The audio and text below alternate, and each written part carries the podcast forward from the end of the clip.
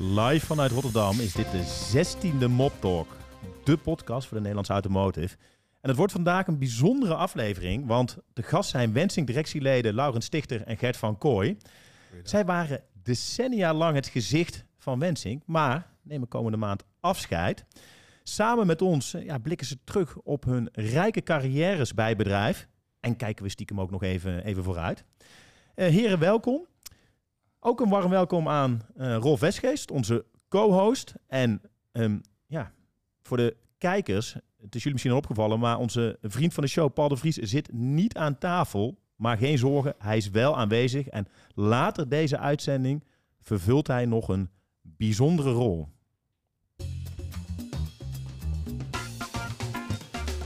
Yes, inderdaad een speciale aflevering. Uh, welkom heren. Uh, we gaan altijd starten met deze Moptalk specia met speciale stellingen. Uh, graag kort beantwoorden de nuance die komt later. Okay. Laurens, ik begin bij jou. Ik geef mijn laatste euro liever uit aan Google dan aan een salesadviseur. Niet eens. Aan een salesadviseur dus. Gert Wensink heet over tien jaar nog steeds Wensink. Ja. Laurens. Laurens, ook ik ben de naam Astrum inmiddels vergeten. Klopt. Uh, Gert, van Stelante schrik ik nog wel eens wakker midden in de nacht. Nee. Laurens, ik denk bij de hele transitie naar agentuurmodellen vaak... Hoe een koe wordt nooit een varken. Dat klopt helemaal. Mooi.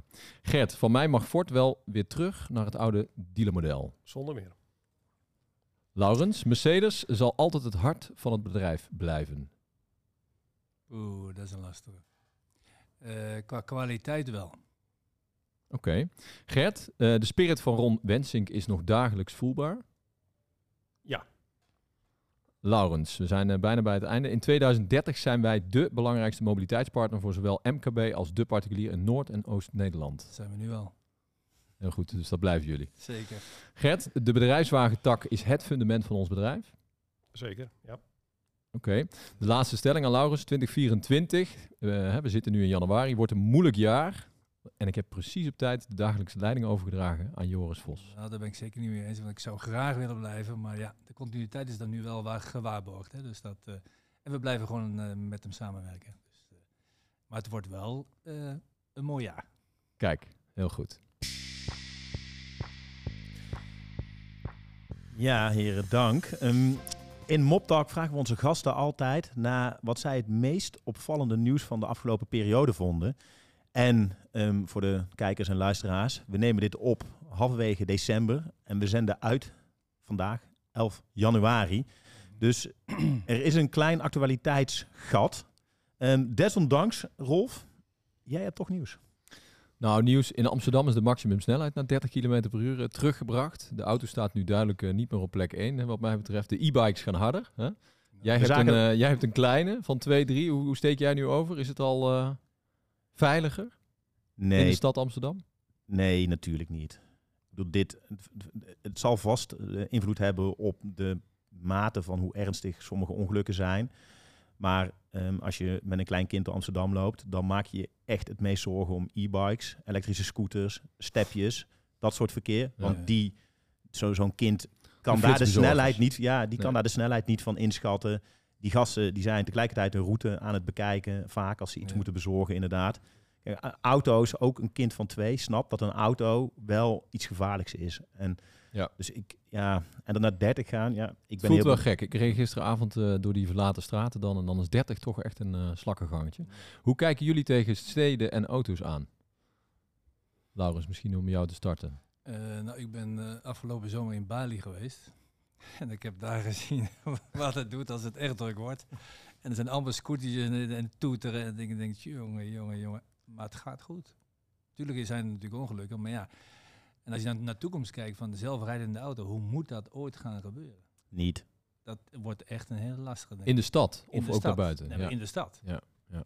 Kijk, daarbuiten zou je nog iets anders kunnen denken, maar ja, het wordt natuurlijk steeds drukker. Er komen steeds meer mensen en ik heb ook gezien dat we ongeveer 3 miljoen immigranten moeten hebben om eigenlijk hè, de, nou ja, wat is het, de vergrijzing tegen te gaan. De ouderen te verzorgen. Uh, ouderen te verzorgen en dergelijke allemaal. Dus ja, het wordt echt wel druk in Nederland. Dus, en ook in de grote steden. Dus. Gert, woon jij in het buitengebied? Of in, uh... Ja, ik woon in het buitengebied. Ik woon in Zeewolde. Dus dat is uh, polderland. Maar ehm, ja, er was toch een, eh, een, eh, een test afgelopen zomer dat eh, de Wieboudstraat eh, ging dicht in Amsterdam. Ja, ja, de knip. Ja, volgens Ja. mij. En toen de mensen die we ook hoorden, die, die eigenlijk op, eh, nou ja, op rijafstand misschien eh 15 minuten eh, en, en afhankelijk zijn van eh, mobiliteit, daar in één keer een half uur voor onderweg zijn. Ja, ik, ik denk dat we onszelf niet dat eh, moeten opleggen, Ja. op willen leggen. Nou ja, steden gaan natuurlijk echt wel vrij vergaand autoloos worden in de, Ja. ik binnen nu een twee decennia. Dat he- heeft ook alles te maken ook met het feit dat we moeten verduurzamen, elektrificeren. Het moet veiliger worden. Het moet allemaal. Tegelijkertijd hebben we veel meer mensen. Ja. Het zijn nauwelijks te combineren uit, eh, uitdagingen. We hebben een nieuw eh, kabinet, hè, zometeen. Dus, eh, Ja, dat zal veel problemen oplossen. Nee, maar ik denk ook altijd in het kader van de, de, de evolutie en niet in de revolutie. Hè? En dat is eh, waar wij natuurlijk in dit land mee bezig zijn. We zijn Ja. met, een, eh, met een revolutie bezig. Nou ja, ik vind dat een mooi bruggetje naar mijn nieuws. Ja, Rolf, ik zag je ook al kijken. Maar, ehm, want mijn nieuwtje, hè, dat is inderdaad half eh, december, maar er is een slotverklaring gekomen op de klimaattop. Ehm, en dat is inderdaad precies, Gert, ook wat jij zegt. Het is evolutie, geen revolutie. We zeggen nu, 2023 dus, en voor de luisteraars 2024, we gaan kijken hoe we af kunnen komen van fossiele brandstoffen. mm. Ja, nou ja, het zal nog behoorlijk tegenvallen.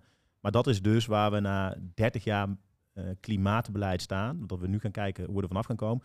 Overigens, ik persoonlijk denk dat dat ook maar goed is ook. Want als we dat al eerder waren gaan doen, ehm, ja, dan was het leven onbetaalbaar geworden Ja. voor iedereen. Ja. Ja. Het was ook mijn nieuwtje, Bart. Dus Oh, bedankt dat je... je hebt er vast nog iets, je hebt er vast nog iets op toe te voegen, Bedankt. Ja, ik heb er iets op toe te voegen. Eh, ik, ik denk dat onderschat wordt, is, zijn de, de synthetische brandstoffen, de e-fuels. Ik ben er echt van overtuigd dat daar een enorme ontwikkeling in gaat plaatsvinden. Ik verwacht ook zeker dat de fabrikanten dat zullen stimuleren. Eh, omdat wij een prachtige techniek hebben, waarvan ik niet één op één zie dat die volledig uitgefaseerd zal gaan worden. Maar je wil zeggen dat is in Dubai niet besproken? Of er Ja, staat... ik ben er niet bij geweest, Nee. maar, maar hij staat niet op de agenda. Je hebt straks alle tijd om er Ik, was, voor ik, was te er, zijn, ik was er even in Dubai bij Max Verstappen, maar dat was niet besproken. Dus. Daar gaan ze ook naar e-fuels, geloof ik. Ja. Ehm, Laurens, heb jij nog eh, tijdloos nieuws? Nee, die, dat is het niet. Maar ik, kijk wel uit naar eh, dat er daadwerkelijk een nieuwe eh nou ja, regering wordt gevormd. En eh, wat gaat dan gebeuren? En ik hoop dus op het moment dat de uitzending is, hè, dat er dat ook klaar is. Maar eh, dat wordt nog een hele dobber. Ja, en wat zou de formatie moeten doen? Regeren. En, en, ja. Heb je nog- heb je nog- Met elkaar moeten samenwerken. Nou ja, Dus vanuit, dat, vanuit, eh, vanuit Wensink eh, oogpunt, wat staat er zeg maar, bovenaan het verlanglijstje waar dat het kabinet moet gaan doen, zeg maar, ook voor de continuïteit van de branche? Nou, als je natuurlijk kijkt naar eh, de betrouwbaarheid hè, op bijtellinggebied, eh, op eigenlijk zeg maar, eh, nou ja, de duurzaamheid in de onderneming, met, nou ja, kijk naar de BPM op bestelwagens, alles wat er is. Ja, men moet wel het bedrijfsleven blijven ondersteunen. En dat vind ik een beetje dat de ondernemer op dit moment wel in een verdomhoekje zit. Dus ik hoop daadwerkelijk hè, dat er weer nieuw elan komt. Dat men weer kijkt naar dat de MKB op dit moment voor bijna 50 of 60 procent eh, verantwoordelijk is voor nou ja, de banen die er zijn. Ja. Laten we hopen dat daar ook eh, continuïteit in komt. Ja, ik denk dat daar een schone taak ligt voor de lobby. En wellicht dat Paul Exact. daar straks nog iets Ja, over gaat zeggen in zijn zijn, intermezzo. Maar, dat, eh, maar dat gaan we zo dadelijk eh, Anders moeten we het zelf gaan doen volgend jaar. Dus, eh. Goed, de- we beginnen altijd even met de gasten voorstellen. Ik denk dat de meeste mensen jullie wel kennen, maar ehm, als volgt. Ik begin even bij jou, Laurens. Je hebt eh, eerst LTS, toen MTS gedaan. En HTS wilde je gaan doen, maar een, ehm, eh, via een klasje van Mercedes-Benz Nederland belandde je in 1988 al twee jaar na de oprichting van Wensing Mercedes-Benz bij Ron Wensing aan tafel. ja. Je werd al snel zijn rechterhand en uiteindelijk nam je in 2010 de leiding over. eh, toen Ron door ziekte moest stoppen. Vorig jaar heb je Joris Vos klaargestoomd ehm, voor de volgende stap. Eh, Dat wat was is, iets langer. Ja, oh, ja, ja, ja, Eh, 2019 Hij begon. is 2019 is hij binnengekomen. Ja. Ja, Ja. als eigenlijk al klaar om, om klaar te stomen voor. Yes, ja. Ja, ja, ja, precies. Ja, ja, ja. En wat kun jij zeggen over die volgende stap? Van mij of van Joris? Nou, van jou? Van mij. Eh, voor mij eh, is het nu mooi hè, dat het, het bedrijf verder kan en dat ook eigenlijk de continuïteit gewaarborgd is. En dat is eigenlijk ook altijd besproken binnen de directie en binnen de aandeelhouders. En Joris ja, is dus bij een, eh, nou, ja, de wholesale organisatie komt hij vandaan. Ja, dat is mooi om te zien eh, dat hij al bekend was met de retail. Alleen wholesale en retail moet één worden. En dat wordt eigenlijk steeds meer één. Hè. Dus eh, de dealers worden groter. En Joris maakt het bedrijf weer klaar voor de volgende 10, 15 jaar. Waar het bedrijf gewoon uh, nou ja, naar 2, 2,5 miljard moet gaan groeien. Um, we hebben op een van de slides hier staan dat jij uh, president-commissaris bent. Maar je vertelde net dat dat niet helemaal correct is. Wat, wat, hoe, hoe is jouw titel, zeg maar, vanaf nou, dit jaar? Het, het, liefst heb ik geen titel, want dan kan ik alles aannemen. Uh, maar ik ben president-bestuurder. Uh, dat zit eigenlijk zeg maar, tussen twee uh, zaken in. En we krijgen wel een raad van commissarissen. maar ik maak plaats voor Joris zeg maar, als nou, de eerste man. En ik ga om Joris heen staan samen met Gert natuurlijk, die ook aan tafel zit om uh, Joris uh, in ieder geval bij te staan. Want niemand weet eigenlijk wat de eerste man inhoudt als je het nooit geweest bent. En ik ben het geweest en ik kan mooi bij hem naar de, de, toekomst kijken.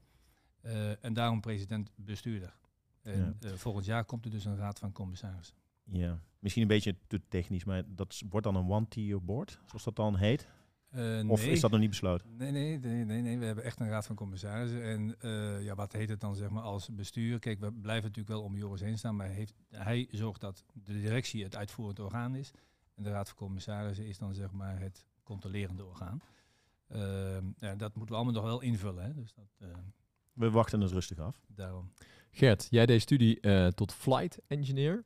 Uh, kwam bij Mercedes-Benz Nederland terecht en schopte daar tot directeur personenwagenverkoop. Toen stapte hij in 2005 over naar Wensink, waar je onder meer commercieel en operationeel directeur was. En uh, nu Chief Innovation Officer. Um, aan welke innovatie had je nog uh, lang door willen werken? Nou ja, dat is natuurlijk de innovatie in, de, in de energietransitie hè, die, die op komst is. En da daar zijn we natuurlijk al mee bezig mee aan het kijken. Wat gebeurt er met de elektrificering? Hoe kan je die auto bij het huis brengen? de laadpaal, de zonnepanelen. ik denk zeker dat daar een rol voor, voor automotive is weggelegd. Ook voor wensing, dat hele plaatje? Zeker ook voor wensing, om, om op een goede manier de klant te adviseren om hem daarin te helpen. Want als jij als consument een elektrische auto aanschaft en je hebt er nog nooit mee te maken gehad, ja, de eerste vraag die die verkoper krijgt is van, joh, hoe ga ik dat ding opladen? Ja, ja de nou, laadpaal snap ik, maar ook zonnepanelen? Kijk, uiteindelijk alleen de laadpaal heb je niks aan. Dat, dat wordt natuurlijk allemaal een uh, small grid solutions, in een, in een mooi Engels woord. Maar betekent dat je eigenlijk je hele huishouding eh, integreert met de auto.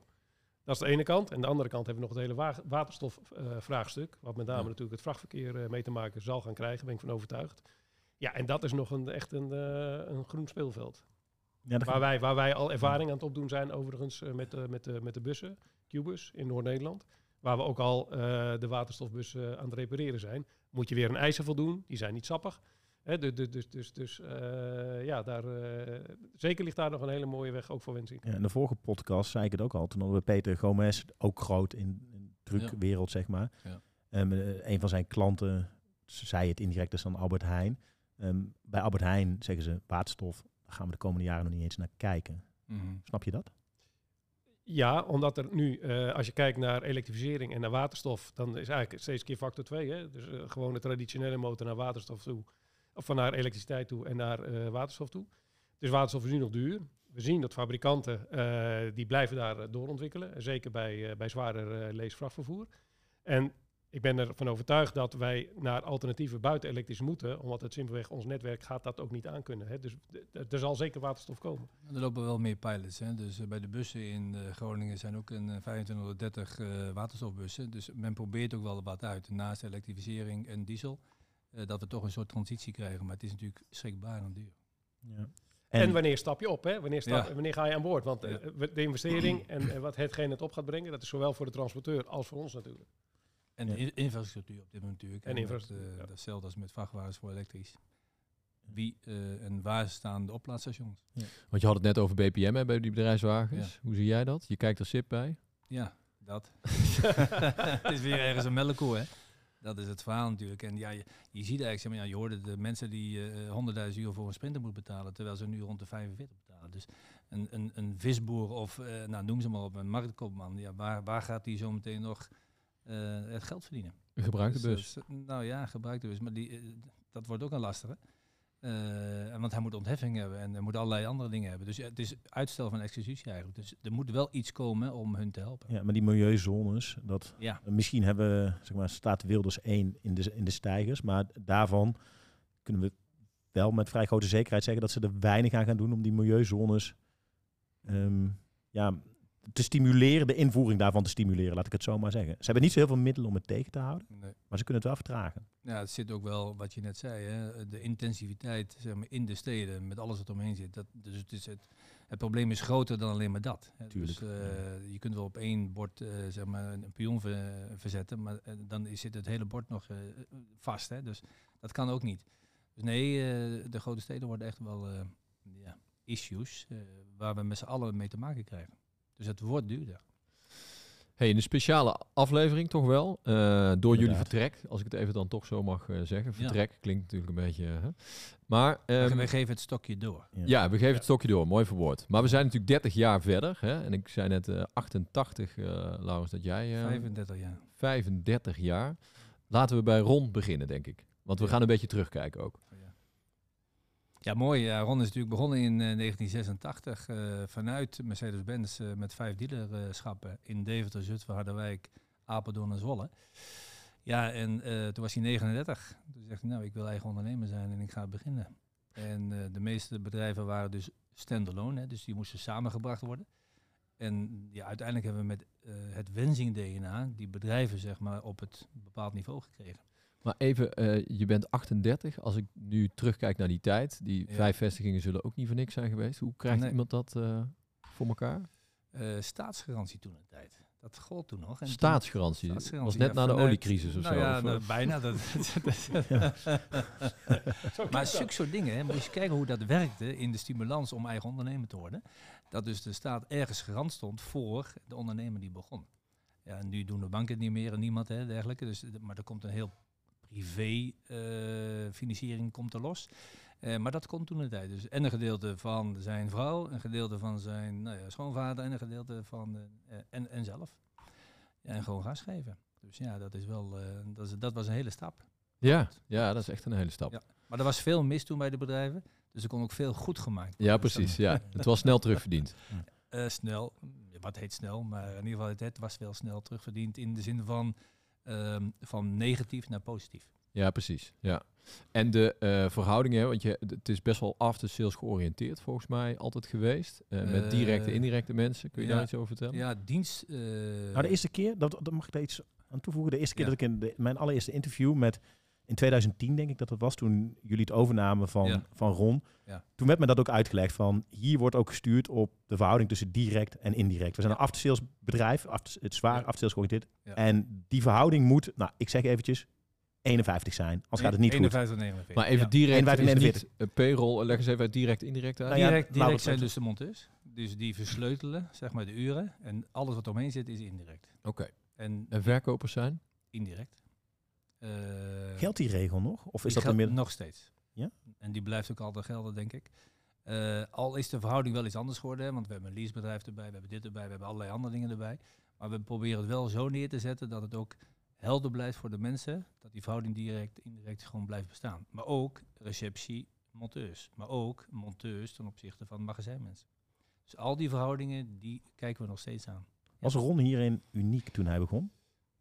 Of waren er meer Eh, soortgelijk georiënteerde dealerbedrijven? Nou, uniek in die zin wel, eh, ik denk bij de top 5, hè, want zo moet je het een beetje zien. En ja, daar moet je dan nog gaan ademen, dat je zeg maar KPI gestuurd bent. En dat was denk ik wel een van zijn, eh, ja, zeg maar vooruitstrevende gedachten, dat je alles in KPI's kunt doen. En, maar dan wel de mensen de ruimte geven hè, om zichzelf te zijn. Maar wel vasthouden van dit is het kader, dit is de grens, hier eh, kijken we steeds naar. En dat doen we nog steeds. En waar kwam Ja. hij aan zijn wijsheid dan? Toen de tijd? Eh, ja, waar komt hij zijn wijsheid? Ik denk zijn eigen wijsheid. Hè, is dat, Maakt, maakt het, dat, was hem, ik maakt het zijn- dat hem uniek? ik denk het wel. Kijk, Ron was natuurlijk uniek en dergelijke, maar ik denk ook dat Wensing wel een beetje uniek is in het doen en laten die we zijn. We zijn personenwagens, bestelwagens, vrachtwagens. Hè. Er zijn er niet zoveel die dat op hun eh, leest hebben. Eh, en vanuit die after sales, kijk, sales is leuk, maar dat is eenmalig. Hè. En daarna die after sales bepaalt of de klant weer terugkomt of niet terugkomt. Ja, dat is altijd zo geweest. Ik weet overigens vanuit mijn eh Mercedes-Benz tijd, ik heb natuurlijk ook aan de andere kant van de tafel gezeten, dat Wensing altijd met respect op, op hoe er met aftersales omgegaan werd, met, met respect bekeken wordt. Het was ook echt eh, de benchmark voor, eh, voor de dealerorganisatie. Sterker nog, ook de benchmark voor de importeur. Maar jij hebt toen de tijd aan de andere kant van de tafel gezeten. Ja. Hoe was dat met Ron? Pittig? Ja, ja. Nee, Ron, Ron is echt een... eh, een Wij smullen van anekdotes, hè? Dus je Ja, mag eh, het boek eh, eh, over een anekdote, ik kan me heel goed herinneren, een, eh, een, een E-klasse deal, eh, want zo ging dat in die tijd nog, hè, dat, dat je dat je e- echt aantal auto's, hè, de importeur moest die auto's van de balans hebben, dat is vaak aan het einde van het jaar, hè, want uh, balansopschoning. En, Weet je nog, voor agentuur, hè? Ja, ja, voor agentuur, ja. En dan ging je onderhandelen met elkaar. En ik zat er dan, eh, eh, Ron zat er dan namens de dealervereniging. eh, en, en, ja, In prijs of in aantal, onder andere? Of nou, beide? dat is vaak de combinatie. Ja, hè. ja. Dus, ja, eh, hoe meer, hoe beter natuurlijk. Maar ja, en dat- dat waren toch mooie onderhandelingen. En daar kijk ik ook met plezier naar terug, omdat je, eh, je helpt elkaar. En dat is denk ik iets wat we in deze tijd nog wel eens vergeten met elkaar. Ja. De importeur en de, en de dealerverenigingen, dat was één. En je had samen hetzelfde doel. En dat, eigenlijk is dat de laatste jaren, gaat het een beetje divergeren. Ja. Maar even toch te- terug naar die anekdote van die E-klasse. Want ik ben wel benieuwd wie er nou ja, gewonnen en verloren heeft. Zo klinkt het altijd een beetje Ja, ik, flauw, ik, maar- denk, ik denk dat er altijd twee winnaars zijn. Want uiteindelijk, eh, ik word natuurlijk financieel gestuurd eh, eh, vanuit, vanuit boven. Van jongens, dit is de ruimte die je hebt. En, en Ron zal ook gestuurd worden vanuit de dealervereniging. Dit is de ruimte die je hebt. En als je elkaar kan vinden binnen die ruimtes, dan, dan is dat goed. Maar het was dus ook echt een koopman. Want ik hoor net KPI's, hè, dat is best wel een, een financieel onderbouwd, eh nou ja, accountants-achtige Zeker. ondernemer. Klinkt Zeker, even een zeker. beetje... ja, hè, maar- Ron is een hele goede inkoper. Ja. Dat is iets anders dan koopman. Ja, ja, Ja, precies. Ja. Nou, dat, is, dat is een goede toevoeging. Ja. Eh, een van mijn eerste taken was als toen ik in, eh, ik weet geen eens meer, ik geloof 96 zijn rechterhand werd als directieassistent, moesten wij een grote deal doen met eh, bestelwagens. En dan gingen wij de lijsten af, hè, met commissionummers en alle dingen meer, welke types er waren. En die werden verdeeld onder de dealers. En toen gingen we ze inkopen bij de importeur. En dat was eigenlijk zo'n beetje in november. Die moesten namelijk bij de importeur vanuit, vanaf de balans. Ja, dat was een prachtig mooie tijd. Dus nee, we zijn wel goed opgevoed met allerlei dingen die er zijn. Dus dat is best wel Ja, je, leuk. je zegt dus dat je in zo rond 96 eh, directieassistent werd. Ja. Ja. Ehm, daarover heb je ooit gezegd, het was heel eervol dat ik vrij snel al gevraagd werd door Ron om zijn rechterhand te worden. Maar ehm, ja, ik was er ook wel een beetje nou ja, bang. Ik weet niet of dat de juiste term is, maar het ging, liep niet altijd goed af met directieassistenten. Nou, hij vroeg mij en eh, toen zei ik, nou Ron, ik zeg, ik wil hier graag blijven werken. Hoe, hoe, hoezo dat dan, zegt hij dat. Ik zei, nou, er zijn er vier voor me geweest. Ik die zijn allemaal weg. Ik zeg, je, je doet alles zelf, dus je hebt niemand nodig. Ja, maar ik denk dat het met jou anders is. Ik zeg, maar wat is er dan anders? Nou, en hij zegt in ieder geval hoe het zit. Je hebt een oplossing vaak. Hij zegt, ja, en ik denk dat dat goed komt. Ik zeg, nou, maar wat ga ik dan doen? Ja, jij gaat dan de afsales, je gaat dit, nu gaat dat doen, dan een verhaal. Maar ja, hij was wel hardleers, want binnen twee maanden heb ik mijn sleutels eh, teruggebracht. Ik het gaat niet werken. Nou, toen werd hij heel boos. Hij zegt, "Oh, wat wil je dan? Ik zeg, doe mij echte aftersales, doe jij de sales en het algemeen. En, nou, en zo is het geschieden. Dus eh, Maar dat bleef je vanuit dezelfde functie als het ware doen. maar altijd dat was een maar ja, taak voor- ja. Kijk, daarom zeg ik, ik, Ja. ik zit niet zo vast aan de functie. Het gaat meer om wie je bent en wat je kan en, en welke ruimte je krijgt. Hè. Dus dat, en welke ruimte je neemt. Hè. Dat zien we bij ons in huis ook. Als iemand eh, klachten heeft, maar wat voor oplossing heb je? Wat voor ehm, eh, plan heb je? Hè? Kom daarmee naar voren toe. Hè? Laat jezelf zien. Hè? Dat, dat, nou, een van mijn uitspraken is, vriend, maak u bekend, dan weet ik wie je bent. Dat deden wij wel en dat moet je bij ons in huis wel doen. Ja, en dat, ik, dat, en dat is altijd goed gekomen met Ron. Mooi dat je zegt, in ons huis. Dat bedoel je Wensink-organisatie mee, Ja, toch? ja, ja, dat, dat, dat klopt. ja, dat moet nog Is daar de familie ook blij mee? Of, eh? Jawel. ja, ja. Ja, Zit de familie overigens Dat nog in het bedrijf? Eh, de kinderen van Ron, en dat zijn Mike en Vincent, jazeker. Die hebben 20% van de aandelen en soms meer en soms iets minder en dergelijke. En dat is ook de bedoeling dat dat blijft. Ja. En, n- n- nog, één ding, nog één ding over Ron. Dat, eh, een paar jaar geleden las ik een interview met eh, Johnny Boer van Ja. de Libreien. Ja. En nou ja, het kwam er heel kort op neer. Hij zei van, we stonden op het punt om hartstikke failliet te gaan. Ja. Toen kwam Ron Wensing langs, die we kenden. Mhm. En in drie maanden tijd hadden we de tent gereorganiseerd. En daarna nooit meer in de problemen geweest. Ja. Wat, wat, wat, ma- ja, hoe, hoe Nou, deed leuk. hij dat? Hoe kon hij dat doen? Weer die verhouding direct indirect. Ja, was dat ook daar gewoon? 100%. Het was zo dat natuurlijk de gasten aten het heerlijk eten, maar eh, de medewerkers ook. Ja, dat gaat niet. Dus dat, je, moet, je moet wel... eh, kijk, als bij ons iedereen in de S-klasse rijdt, dat is leuk, maar dat wordt toch een beetje lastiger. Nee, allemaal weer down to earth. Te veel mensen eromheen. eh, dat, heeft, dat moet je niet hebben. Je moet eh, doeners hebben. Hè? Je kunt één of twee managers hebben, maar je moet geen eh, 15 managers hebben op, op een totaal van eh 20. Dat gaat niet. Dus Ja. dat, eh, Dus je kon hem eigenlijk overal neerzetten. Hij zag vrij snel waar het probleem zat. Maar dat zie je wel in ons bedrijf ook. Hè. Dus joh, wat denk je zelf? Wat voel je zelf? Hè? Laat je niet eh, door anderen zeg maar, van de wijze brengen, maar wat voel je zelf? Wat, wat, wat merk je zeg maar, op de vloer wat aan de hand is? De mensen die op de knoppen drukken, die weten hoe het in elkaar zit. Want dat gevoel heeft vaker gelijk dan de ratio in je 100 hoofd. 100% Kun je daar een voorbeeld van? Kun je daar een voorbeeld van noemen van dat jij in je, in je, in je- of misschien Gert, dat in die afgelopen jaren dat je dacht van, hé, hey, ik hoor dit en dit wordt me verteld, maar ik zie en ik voel dat. Nee, maar dat, dat is ook wel eh, met nieuwe zaken waar je geen verstand van hebt. Hè. Kijk naar leasing. ons gezegd, joh, maar nee, we moeten dat bedrijf overnemen, we zus beginnen. Maar oké, wij zeggen, nee, laten we dat zelf nou beginnen. Hè. Eh, en laten we gewoon de onderwijzing van onszelf wijs worden. Dat je fouten maakt en alles wat er is. Ja, en, zo hebben we eigenlijk met alles gedaan. Of het nou inbouw is of nou, noem allerlei dingen maar op. En we komen bij veel bedrijven waar we denken, hé, hey, dit klopt niet. En dan, bij ons komt er ook veel niet hoor, maar dan zeggen we, hé, maar dit, de basis is, klopt hier niet. Hè. Dus, eh, en ik denk dat ik bijna 100% op mijn gevoel en later pas de rekensom gemaakt heb. En zo zitten wij in elkaar. En Joris, die komt van Mercedes, dat moet je de hele dag door alleen maar rekenen. Joris doet het soms andersom, maar heeft nu wel door dat dat eh, andersom ook kan. En daar blijven jullie hem dus in begeleiden. Yes. Ja. Ja. Hey, en Gert, was het voor jou een cultuurschok van eh, importeur naar dealer? Nou, ik- Retailer? Een cultuurschok niet. Eh, ik, ik kom ook uit een, eh, uit een dealernest, zeg maar, hè, dus daarmee wel ook bekend. Eh, wat, wat ik nog heel goed kan herinneren, en zeker als je bij de importeur vandaan komt, dat, dat ja, be- be- bepaalde besluitvorming, je gaat eerst vergaderen en dan, dan moet er toestemming komen. En als het even tegen Ja. zit, moet die toestemming vanuit Stuttgart komen. En dan ben je twee, drie dagen verder. En ik kan me heel goed herinneren, de allereerste directievergadering, eh, dat was iedere maandag, hadden we nog 's morgens vergadering. En dan zitten we aan tafel en, en eh, we besluiten wat. En eh, dezelfde dag gingen we dat al doorvoeren. ik denk. Wat is hier aan de hand? ja, ik denk zo kan het dus ook, ja. En was het voor jou een opluchting? Want je, je straalt er wel bij. Ja, nou ja, ja, ja om, om- omdat je, je, je bent veel meer ondernemer. En je hebt veel meer vrijheden om, eh, om je dingen te kunnen doen. Je kan je eigen stempel erop zetten. En, eh, maar dat vragen wij ook wel van de mensen. We zeggen eigenlijk tegen iedere, iedereen die bij ons in dienst is, wees je eigen ondernemer. De ondernemer binnen de onderneming.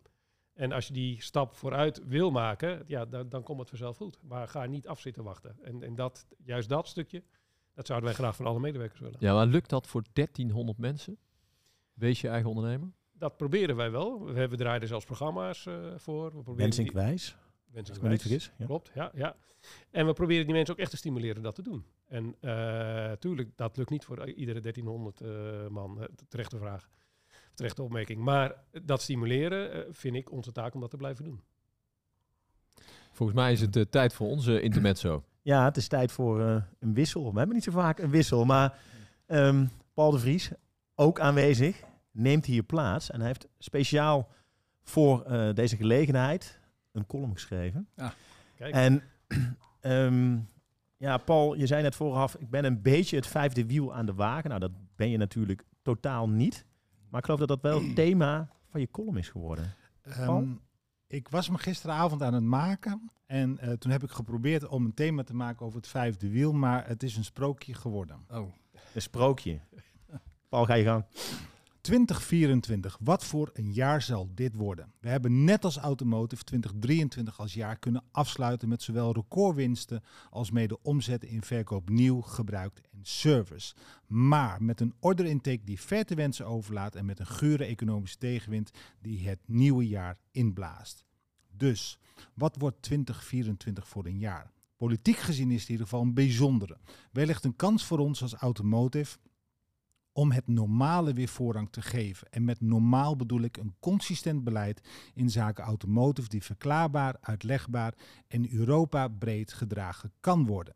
Zeg maar iets waar je de komende jaren vanuit kan en mag gaan als ondernemer en waarbij Prinsjesdag niet gelijk staat aan Bijltjesdag voor de automotive. Door het gebrek van een succesvolle lobby in Den Haag kennen wij in Nederland nu bijna het oudste wagenpark van Europa, dat dus zeer vervuilend is met alle gevolgen van dien. Daarnaast mag je de ene gemeente wel in met je bestelbus en bij de andere niet.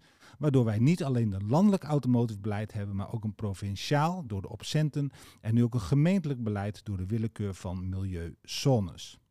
Maar dan de Chinese merken. Zal 2024 dan het jaar van de doorbraak worden? Het antwoord wat ik zou willen geven is nee. Maar je ziet dat de BID's, de MG's en de verschillende modellen van Geely toch hun weg gaan vinden naar de consument. Voor al die andere Chinese merken die premium denken te zijn, maar niet zijn, lijkt mij de Europese consument echt een stap te ver. In 2024 zal ook het agentenmodel verder worden uitgerold bij de diverse merken. Echter, ik denk ook dat men om gezichtsverlies te vermijden het nog steeds een agentmodel zal blijven heten, maar dat de voorwaarden meer en meer naar het oude traditionele dealermodel wijzigen. Niet alles wat goed functioneert behoeft verandering. Maar dan wordt 24 het jaar van de online verkoop. Gaan wij dit jaar eindelijk nieuwe en gebruikte auto's verkopen via het internet?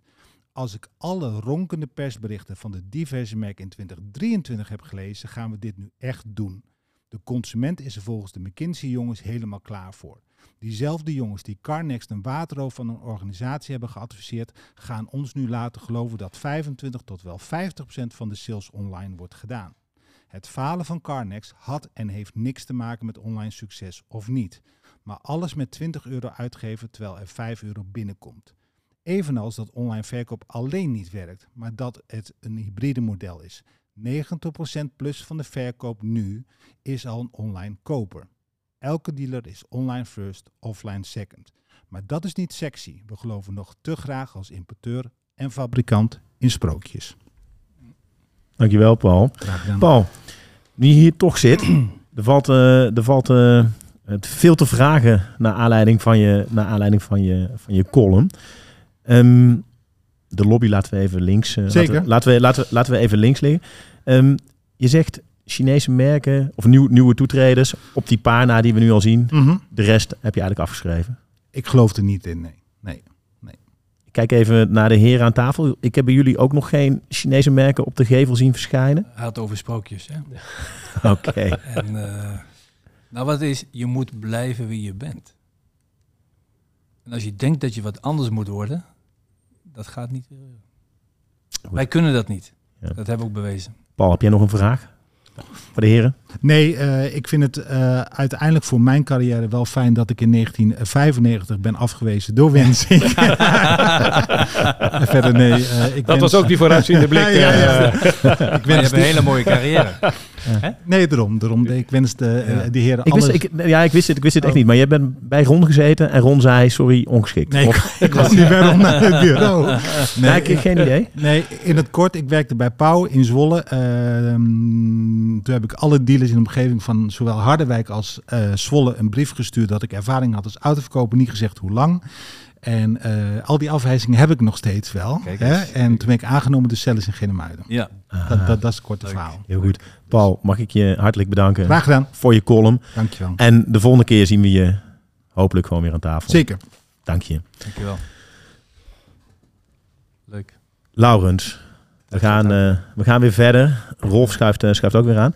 Ehm, sinds 2013, hè, nog, nog een heel eventjes over Ron. Sinds 2013 doet Wensink het echt zonder Ron, want toen overleed hij. Ehm, hoe is die impact van hem nu nog voelbaar in het bedrijf? Is die nog voelbaar? Nou, kijk, het leuke is denk ik. ehm, Ron heeft het natuurlijk nooit alleen gedaan. Er stonden altijd mensen om hem heen en die waren gelijkgestemd zeg maar, aan het DNA van Wensink. En het mooie was dat we eigenlijk al eh, met het directieteam in 2000 zijn gaan bouwen eh, naar de toekomst. En van vijf bedrijven naar tien bedrijven naar vijftien bedrijven. En de tijd hebben genomen om eigenlijk zeg maar, dat overal in te bedden. En dan krijg je eigenlijk een zelforganisme wat eigenlijk zeg maar, ook gaat eh, ja, muteren op het gevoel van Wensink. Dus het trekt mensen aan. En daardoor was het ook fijn dat Ron natuurlijk in 2009 was hij ziek. Is een jaar weg geweest. En toen kon Hans van Eenename, Hans Verbeek en ikzelf, zei de gek, zowel in de operatie als financieel, als in de sales, gewoon door blijven gaan. Toen kwam hij terug en, en toen kwam er steeds meer vertrouwen. Eh, en die zei, nou oké, dan gaan we ook een andere organisatie bouwen. Eh, ook al wil die toen de tijd, ehm, nou ja, wel heroverdenken van, joh, wat, wat betekent dit? Hè? En eh, nou, gelukkig heeft hij één of twee maanden erover na kunnen denken zonder te weten dat hij eh, ongeneeslijk ziek was. Toen hebben we eigenlijk hele goede beslissingen genomen. Maar toen werd hij ongeneeslijk ziek en dan moet je andere beslissingen nemen. Eh, maar voor hem was het eigenlijk heel makkelijk. Eh, hij had ons als team op hem heen verzameld in gelijkgestemde DNA. Dus eigenlijk ging dat gewoon door. Eh, dus als je ziet Wat het bedrijf gedaan heeft, is het, het muteren van een DNA nog weer sneller. Want we deden toen een tijd iets van 300 miljoen. We zitten zo nu op 900, 930. En er is altijd nog aftersales gedreven, klantgedreven, kwaliteit gedreven. Dus dat zit er nog steeds. En er is overal een foto van hem in alle vestigingen nog aanwezig. Uh, want ik vind altijd dat je recht doet aan het verleden om het heden in te vullen en de toekomst te waarborgen. En dat doen wij nu weer. Gert en ik hebben dat eigenlijk voor ons op het bord geschreven. Hoe doen wij de toekomst waarborgen? Ja, komen we zo, uh, komen we zo over te spreken. Ja. Mooie column trouwens, uh, Paul. Dankjewel. Ik denk dat het een leuke rubriek Lieve Marianne kennen we allemaal, toch? Ja, ja, ja Moeten we misschien Lieve Bart van maken. Ja, lieve Is dat een idee? Nee, Gert, even, wat is er iets veranderd, zeg maar, met uh, uh, voor en na? Hè? Dus het 2013 kantelpunt. Of ja, je zei net hè, dat het als een organisme is gegroeid, maar ja. wat is er dan? Dat, er moet ook iets veranderd zijn. Nou ja, ik, ik denk zelf in de organisatie dat de medewerkers daar niet heel veel van hebben ondervonden. Hè. Dus, dus, daar ging eigenlijk de cultuur, het DNA, dat ging gewoon ja, smooth door. In het directieteam uh, wel degelijk, vind ik, omdat wij uh, na het overlijden van Ron uh, veel meer op basis van gelijkwaardigheid onderling zijn gaan functioneren met elkaar. We waren ook op elkaar toegewezen, hè. dus wij, wij moesten dat gaan doen. En, uh, ja, en, en dat heeft ons wel gebracht daar waar we nu staan. Waarbij, uh, en dat is, hij zit hier aan tafel, maar ik, uh, hij weet hoe ik daarover denk. Een compliment naar Launens. Omdat we onder aanvoering van Launens pas de echte grote stappen gemaakt hebben. Met, met de onderleiding van Ron zijn we natuurlijk gegroeid. maar het was mee. Ja, dat, dat, dat, dat, ging wel vaak op, op verzoek van een, van een importeur-fabrikant. Joh, wil je dat, dat bedrijf overnemen? Maar, maar eigenlijk ja, vanaf 2009, toen die ziek werd kwamen de andere merken erbij, kwam de leasemaatschappij erbij. En, en, en zo. Dat zijn die echte grote stappen? Dat zijn die echte grote stappen, ja. ja. Voorbeeldje, uh, en dat, dat zegt ook heel veel over de loyaliteit van ons als bedrijf uh, naar onze leveranciers. Wij wilden al veel eerder een eigen leasemaatschappij beginnen, maar door loyaliteit aan Mercedes-Benz hebben we dat nooit gedaan.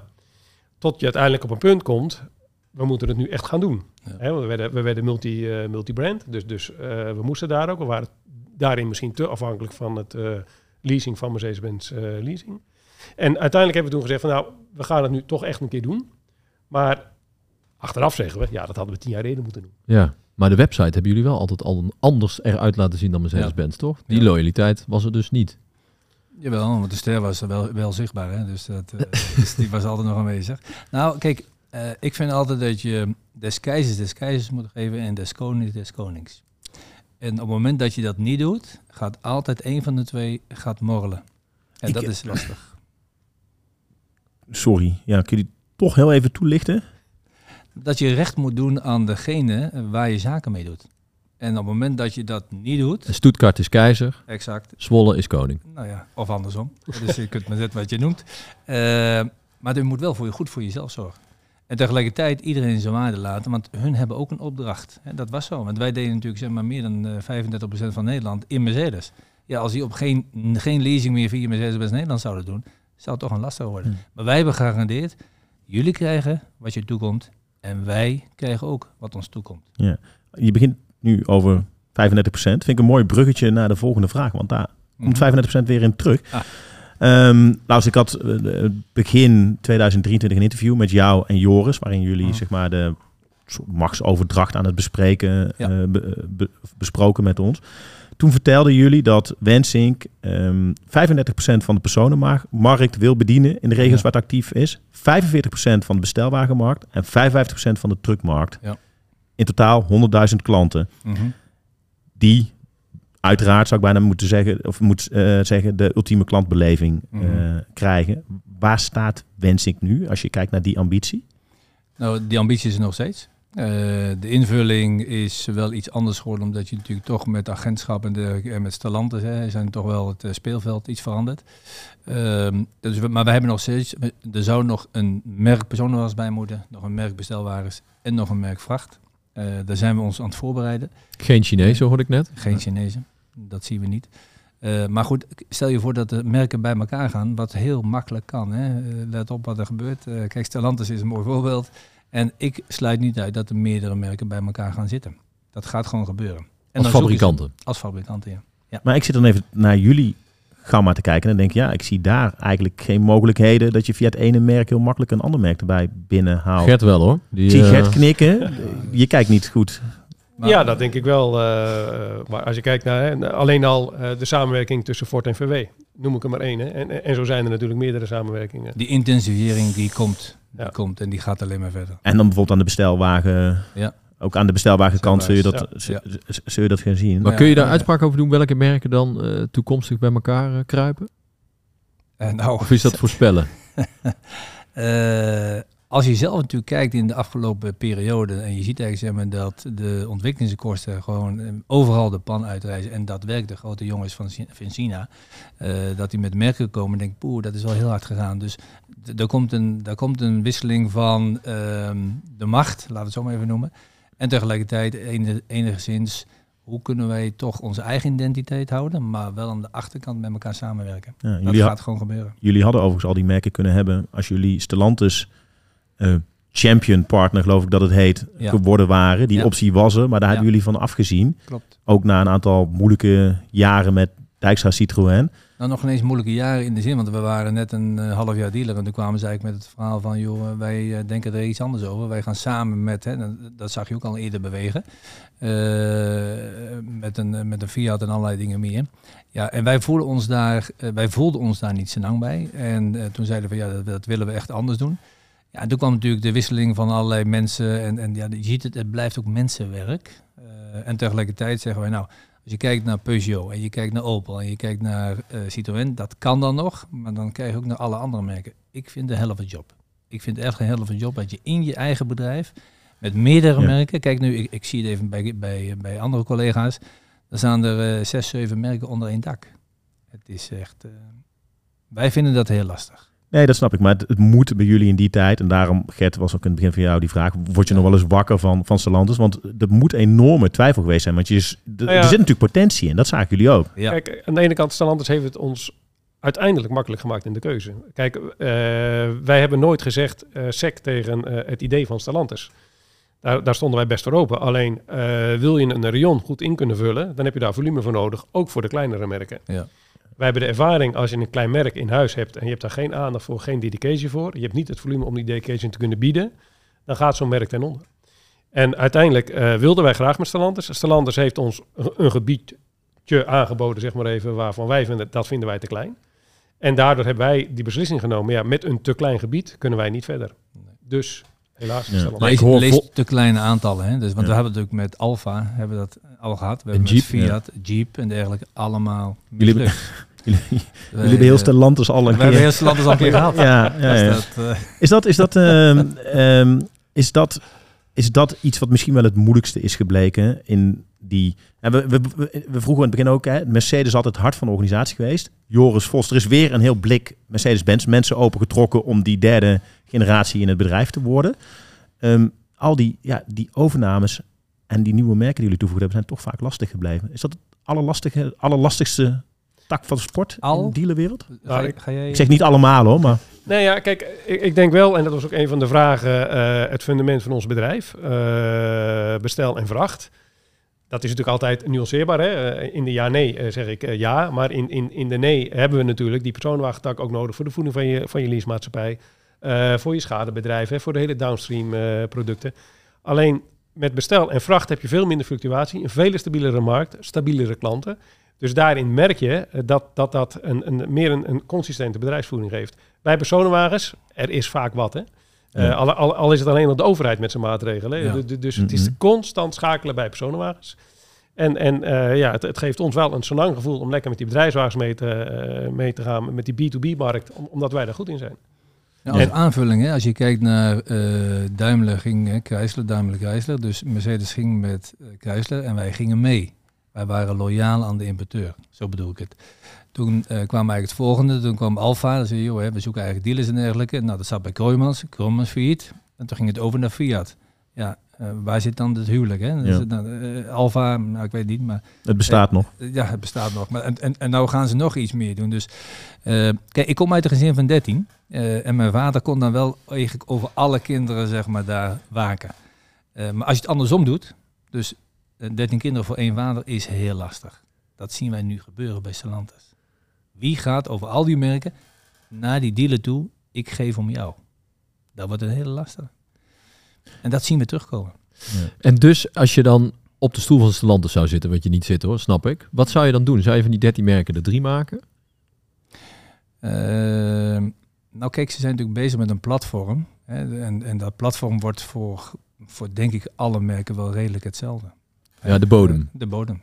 En, maar het uiterlijk... Niet Spotticar, zeg maar. Nou ja, je weet niet wat er gaat gebeuren, maar ze zullen toch iets moeten beginnen. En ze zijn ook wel een beetje gestopt hè, met alle invoeringen van eh, nou ja, het eh, agentschap in Nederland. En Dus- Even toch, Gert, jij wilde volgens mij toch even de merken gaan noemen die bij elkaar... eh, Ik ben toch even benieuwd voor het nieuwe jaar. Ford en Volkswagen hoor ik als... hè, dan houden we Volkswagen als merknaam. Ford, kijk Paul even aan. Voor Europa in ieder geval. Die verlaat dan als merk het merk. Nee, maar eh, kijk, we, ik, ik kan niet in die glazen bol kijken natuurlijk wat die fabrikanten uiteindelijk zullen gaan doen en hoe ze gaan vrijen met elkaar in de toekomst. Dat er gevreden wordt, hè, eh, er is een overzichtje wie met wie allemaal eh, Ja. connecties heeft. Ja, ja. Dat is een enorme, enorme spinnenweb. Hè? En ik ben er wel van overtuigd met de komst van de Chinezen dat, dat de, de, de Europese fabrikanten, eh, Koreanen natuurlijk ook wel, Japanners ook wel, dat, dat er weer eh, dat ze naar elkaar toe moeten kruipen, ook om al die ontwikkeling te kunnen betalen, de goede kwaliteit te kunnen leveren. En, en, en die verschuiving eh, die gaat plaatsvinden, die is Ja, onomkeerbaar. ja, er gaat onge- ongelooflijk veel Hey, gebeuren ja. dat En- vlak. Kan niet ja. anders. En even Gert, Joris Vos die zei iets moois uh, met de agentuurschappen. Ik heb wel zin en ik kijk wel uit om te dansen met de beer. Ja, Hoe uh, zie jij de danslessen van de laatste jaren? nou, we, zijn aan het dansen hè, op het moment. Met nog steeds met- dansles nee, aan het nee, volgen. Je hebt Nou je ja, diploma nog niet gehaald. Nou ja, dat, dat, weet, dat weet ik niet. Kijk, ik, ik denk dat, dat beide, eh, zowel de importeur als, als de dealer, agent eh, heten we tegenwoordig, of, Bij Ford vooral. of, of Ja. retailer, bij Ford, ja, ik wil, dat praten we uit ervaringen. Ja. Eh, eh, dat is een spel waarin ieder de, de nieuwe positie moet innemen. ja. En zowel voor de, voor de retailer als voor de wholesaler zijn dat andere posities, wel degelijk andere posities. En de wholesaler verwacht dat de retailer zijn ding blijft doen. Dat is mooi als je ook de dingen kan blijven doen. Alleen één ding wordt vaak vergeten, dat onze marge gehalveerd wordt. Ja, Daardoor, daardoor kunnen we ook niet alles meer doen. ja, je zei in- helemaal in het begin, ik zou morgen terug willen naar het oude dealermodel. Ja. Is dat toch omdat je denkt dat dat agentuurmodel, ja, of niet, of het heel Nee. lang gaat duren voordat het gaat werken? Ik, ik zeg het omdat de consument, onze klanten, zijn de dupe Ja. van het agenturenmodel. Ja. En niet anders. Wij kunnen ermee dealen. En, En dat, dat, gaan mer- ook doen. dat merk je nu al.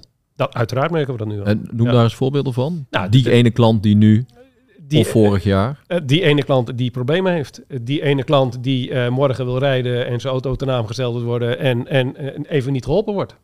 Ja. Om, omdat hij niet meer de klant is, maar het is nummer 36 die eh, morgen moet rijden. Ja, En Laurens, ja, ja, toevallig kwamen we aan nummer 30 toe. Laurens eh, de- de- wat kan zeg maar, die koe niet, wat die varken wel kan?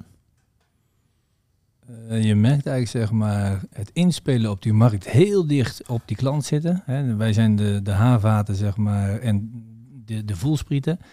Eh, en wat ik net al zei, je bent iets.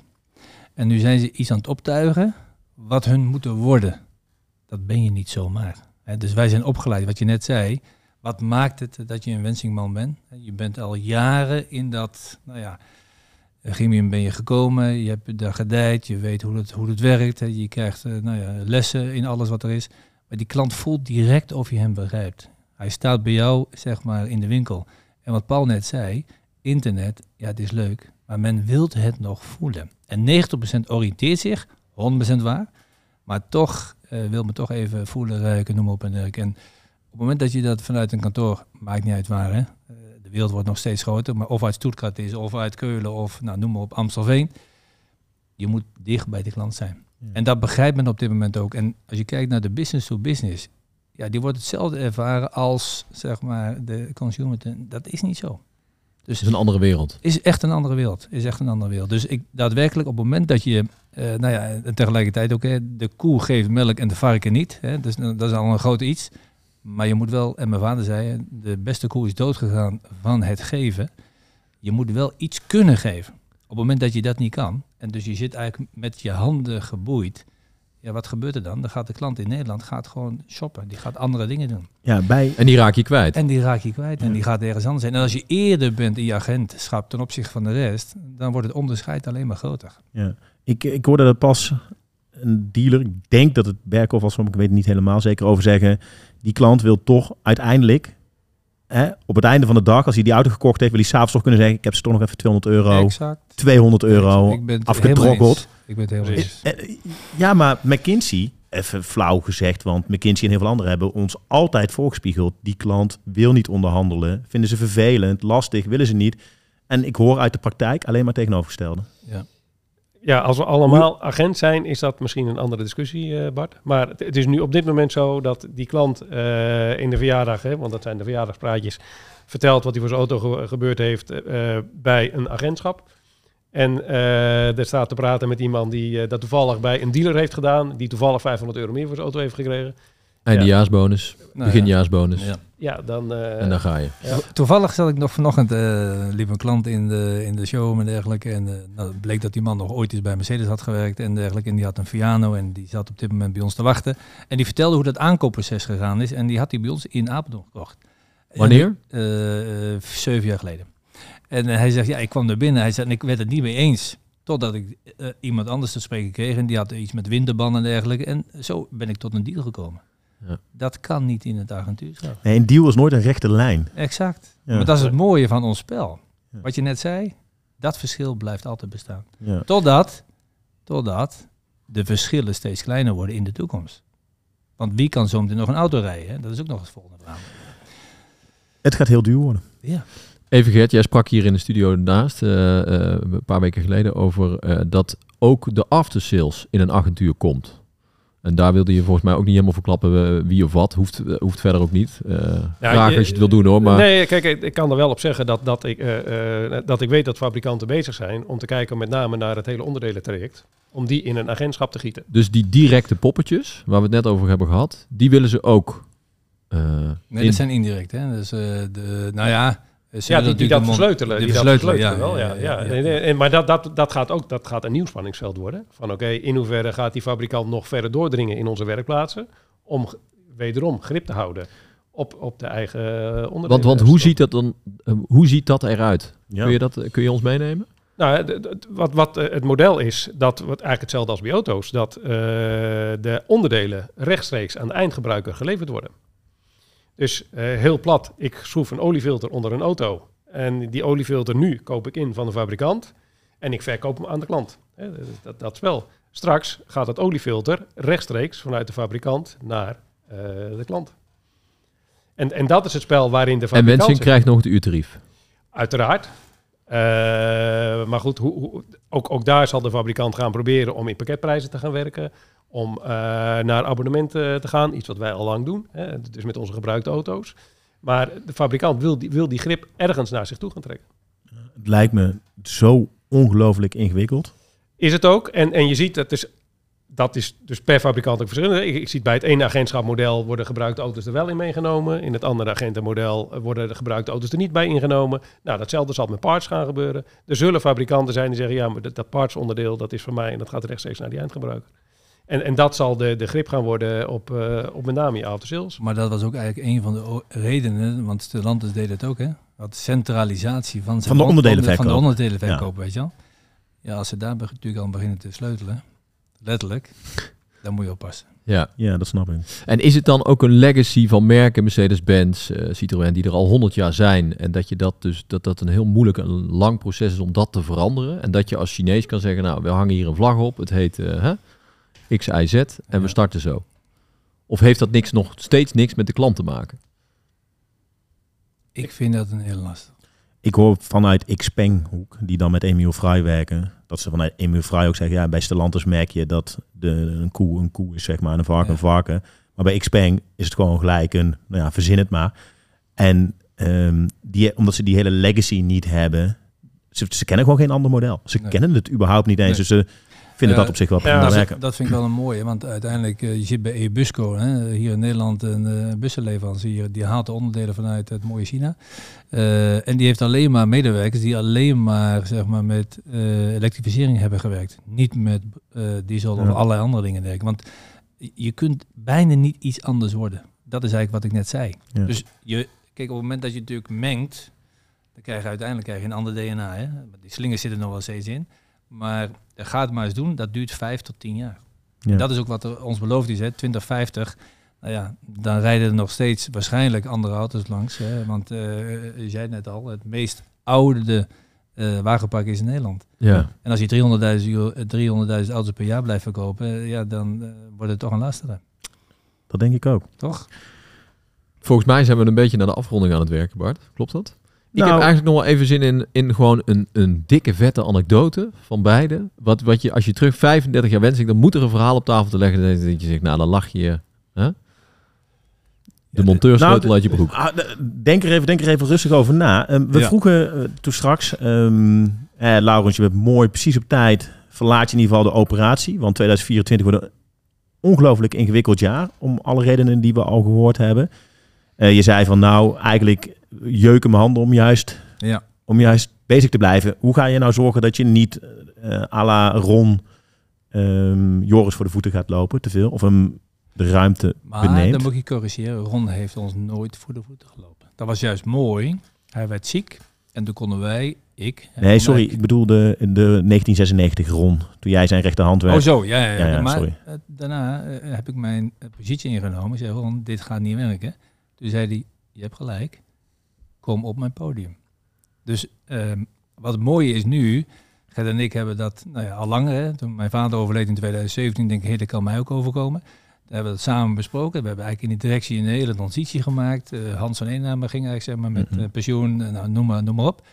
Ehm, Joris kwam op het podium en hij is al nu al vier jaar bij ons en vijf jaar zeg maar, in de gelederen. Dus hij heeft echt zijn positie kunnen krijgen. Hij heeft ook dingen gedaan in de coronatijd. Hè, dus we hebben hem ook alle ruimte gegeven. En ik heb tegen Joris gezegd, gun jezelf dat ik er niet ben. Nou, en dat gaan we doen. Maar ik ga hem wel bijstaan als eh, voorzitter van de stak. Als er dingen zijn, kun je me bellen. Ik reken niks. Je kunt vrij bellen. Helemaal geen probleem. en Gert is natuurlijk... We doen alles samen. Hè. Kijk, als Gert er niet is, dan is het niet compleet. En, en zo voel ik het zelf ook. En die gelijkwaardigheid, ja, dat is het belangrijkste. Maar Joris ja, gaat de kaart trekken. En hij niet alleen trouwens. Hè, want er zijn twee nieuwe directieleden bijgekomen. Eh, Ook uit de Mercedes-stal. ook uit het Mercedes-stal. eh Geert van Os, uitermate deskundige man. eh, vele jaren zeg maar de business gedaan. En Sander van Kouwen. Ja, dat team dat staat er zo meteen als een huis. En die gaan ook onze aandelen overnemen trouwens. Hè. Dus dat was een mooie. Toen Gert binnenkwam, kreeg hij ook aandelen. Mocht hij inkopen, zeg maar van Wensing Automotive. Dat was Ron ook, hè. Wie niet kan delen, kan niet vermenigvuldigen. En zo Ja. zit ik zelf ook in elkaar. En dat aandeelhouderschap maakt ook dat je wat meer naar de lange termijn kan kijken. In plaats Exact, van de... Exact. Dat zal overigens ook wel Ja. moeten. Want Ja. dit jaar Klopt. Klopt. is een ingewikkeld jaar. Waar je ook wel weer misschien even voorbij moet willen kijken. Ja, maar dat hebben we altijd gedaan. Kijk, we hebben in 2000 was een lastig jaar, 2003 was een lastig jaar. En, en noem ze allemaal op. hè. Kijk, eh, 2008, 2009. nou, je weet eh, niet beter. Ja. Nou ja, je past je aan. Je past je aan. En dat is ook weer wat je net zei met Citroën. Joh, maar dit past ons niet. Oké, afwikkelen. Ja, dat is, dat is niet leuk. Maar het is wel het beste om te doen. Ja. En Gert, jouw eh, toekomst, zakelijk en privé? Eh, nou, privé word ik opa. Dus leuk dat je, Ja, leuk dat je dat vraagt. Ja. Gefeliciteerd. Dus dat is, eh, dat is sowieso een nieuwe toekomst. In maart, eh, in maart krijg ik een kleindochter, als alles goed gaat. Heb je de vaste oppasdag al geregeld? Of? Nou, dat is, nee, dat is ook niet gevraagd, omdat ze weten hoe we erin zitten. Nee, we willen wel graag... we hebben altijd gezegd, we zorgen er als we er moeten zijn. Maar geen, geen vastigheid. Dus ehm, dat privé en, en zakelijk. ja, dat is ook wel een, een beetje een... Misschien een zoektocht in de zin van... Ik heb de, de commissarisopleiding gedaan. Mede ook van, nou, ga eens even kijken... eh, wat is de impact sowieso verwensing die gaat komen. Eh, als je dat, dat papiertje dan eh, gehaald hebt, ga je kijken... Nou, zou je dan commissaris bij wensing willen zijn? Als überhaupt men dat wil. Zeg je, ja, als ik dat ga doen, dan beperk je jezelf. Want dat betekent dat je geen andere activiteiten meer voor wensing kan doen. Ik zou het zelf mooi vinden, dat heb ik ook met Joris besproken, als er een beroep op mij gedaan wordt. Hè, vrijblijvend overigens. En als dat beroep erop gedaan wordt, dan ben ik er voor, voor wensing. Neemt niet weg dat, er, eh, dat ik daar geen dagtaak aan eh, zal hebben. Eh, tuurlijk zal ik geen, geen 60 uur per week meer gaan, gaan draaien. Maar wel paden gaan bewandelen die nieuw zijn voor mij. Waarbij ik met de wetenschap die ik nu heb van het commissariaat als toezichthouder het vingertje van gij zult dit en gij Ja. zult dat is niet helemaal wat iets bij mij past, denk ik. Maar waar ik veel meer liever naast de ondernemer ga staan om te kijken van nee, hoe, hoe kan je iets moois gaan bouwen. En ja, dat, dat, dat zou ik mooi vinden als ik daar eh, mijn energie en mijn kennis eh, en ervaring in, eh, in kan delen. En Dat moet nog wel meer vorm krijgen. hoor dat moet vorm krijgen. Maar Ja. ik, ik weet nu al in de inner circle dat er al nu al mensen om me afkomen van Gert, kan je even meekijken, kan je even Ja. helpen. En dat, dat gaat vanzelf komen. Dat lijkt me het voordeel als je zo ongelooflijk veel klanten hebt, ook in het MKB. Waar je natuurlijk op zeg Ja. maar, directieniveau veel contact mee hebt. Ja, maar dat, gaat gebeuren. Kijk, eh, ik ben zelf voorzitter van de Gelderse Familiebedrijvengenootschap. Eh, er zijn 100 eh, bedrijven met meer dan 100 medewerkers. En dan voel je ook vaak eenzaamheid in de onderneming zelf. Hè. Dus dat de ondernemer alleen staat. Want vroeger was de bank en iedereen stond om die ondernemer heen. En dat mis je nu. En mijn vrouw en ik gaan eigenlijk een programma starten van... joh, wie is er voor jou?